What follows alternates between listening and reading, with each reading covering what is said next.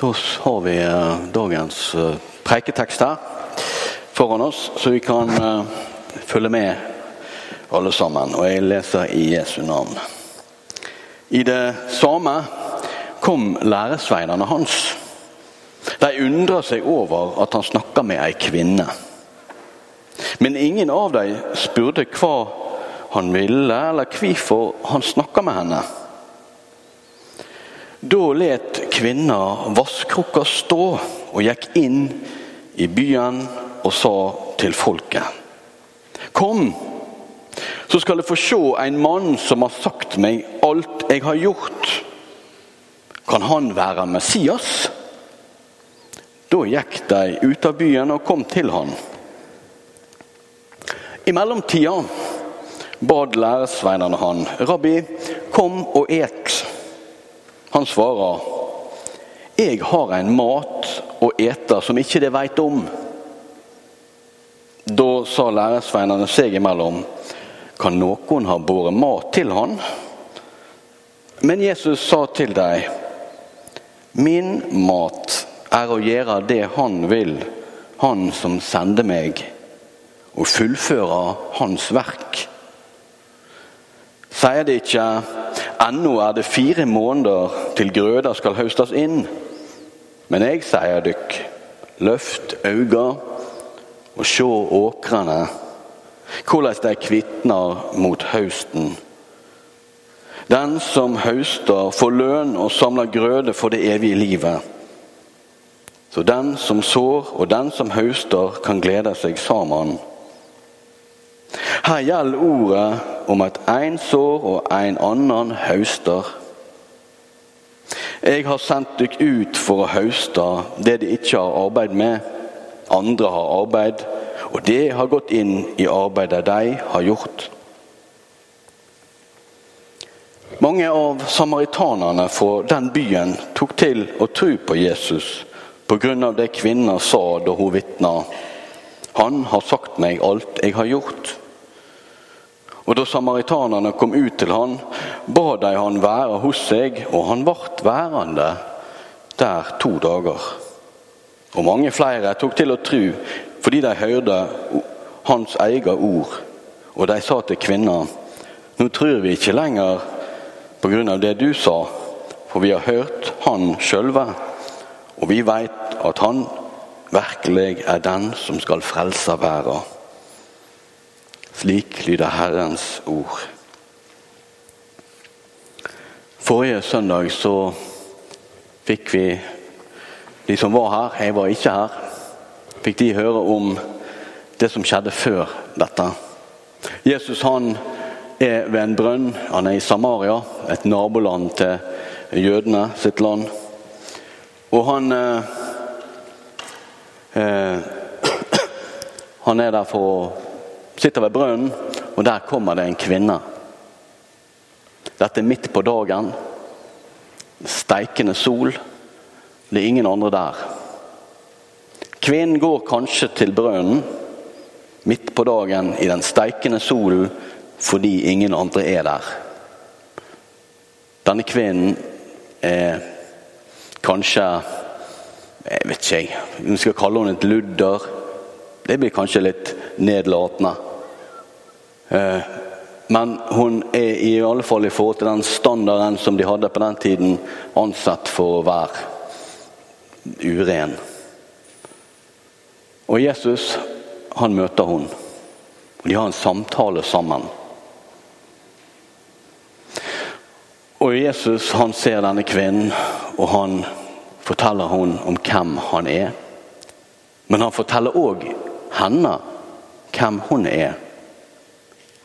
Han sier du er ikke sammen med Du er ikke gift med den mannen du er sammen med. Du er sammen med en annen sin mann. Du har hatt mange menn.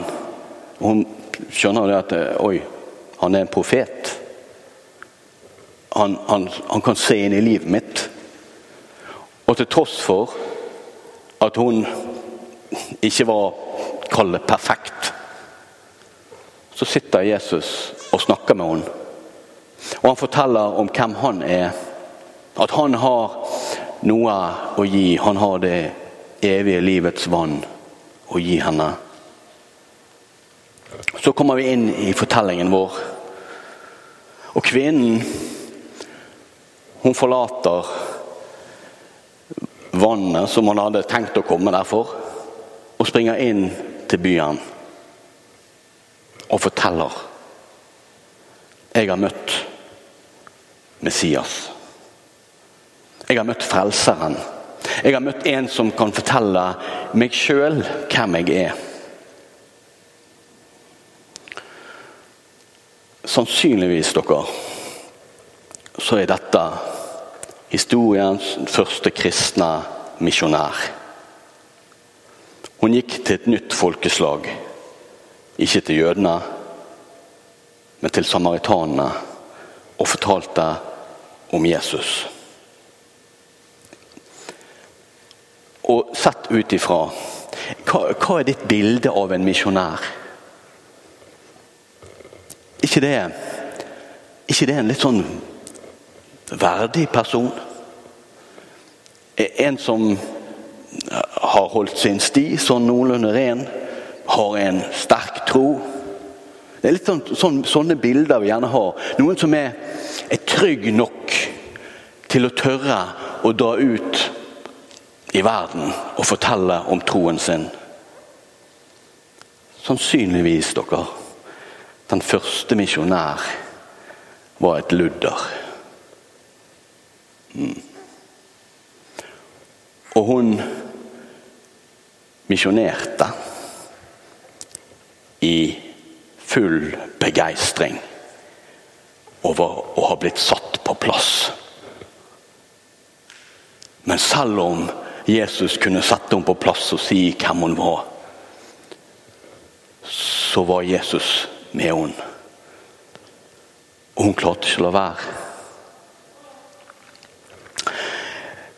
Har dere noen gang vært så engasjert i noe, et eller annet du har holdt på med, at du har glemt å spise? Noen ganger så blir vi utrolig engasjert med et eller annet. Et eller annet vi holder på med. Og det er så kjekt. Og det er så givende. Og tiden bare fyker av gårde. Og så kan du holde på med dette her i timevis. Noen kjenner seg igjen i kanskje hvis du spiller videospill. Ja, Holder på med det i timevis. Jeg er sånn når jeg pusser på min nye trebåt. Holder på med det i timevis. Glemmer å spise. Jesus han skjønner her at denne kvinnen virkelig Hun, hun er i ferd med å, å, å, tro på han. En, en, samaritansk kvinne, sikkert langt nede på rangstigen, hun er i ferd med å innse hvem Jesus er. Jeg tror Jesus han syns det her er kjempefett. Det her er kult. Det her, det, dette her er jeg kommet for. Disiplene derimot uh, Har du fått noe å spise? Spise? Ser ikke dere hva jeg holder på med her? Dere snakker om å spise. Her holder jeg på å lede denne kvinnen opp fra dritten til at hun vet at hun er elsket av meg og av Gud. Og dere snakker om har du husket å spise? Så sier han noe utrolig fascinerende.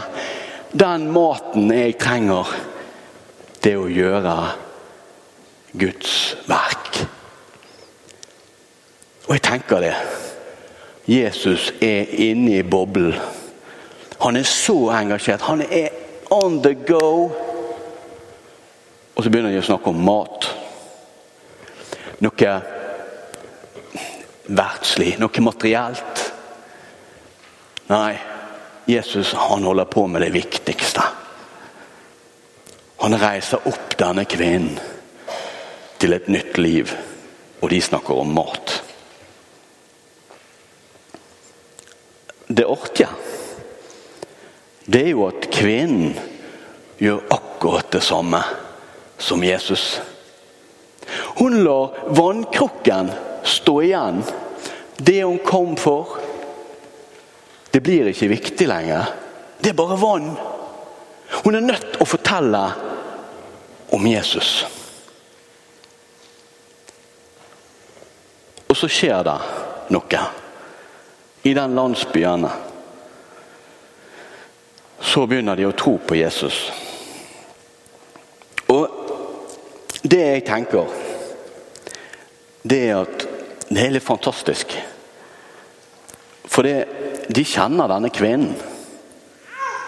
Hun kommer på en måte til sine egne. Men hun snakker sant om livet. Kanskje hun prøvde Hun vet at alle vet i landsbyen at hun, hun har hatt mange menn og sånn. Hun vet det. De mennene de er vel der, de òg. Og ser ned på henne, selv om de burde kanskje sett ned på seg sjøl. Allikevel så tør hun å stå fram i landsbyen sin og si Jesus har fortalt meg hvem jeg er. Han er Messias. Hun kommer på en måte ærlig og fram med livet sitt. Og folk ser det. Og så fører hun mennesker til Jesus. Det er fantastisk. Så tenker jeg Hva med oss? Er vi åpne med livene våre? Eller prøver vi å kjøre sånn stram linje? Folk tror at vi er bra. Vi får alt til. Og så har vi Jesus. Jesus er til for alle som sørger. Jesus er til for alle som ikke får ting til, som syns ting er vanskelig. Jesus er òg til for deg i gleder og når du har det bra.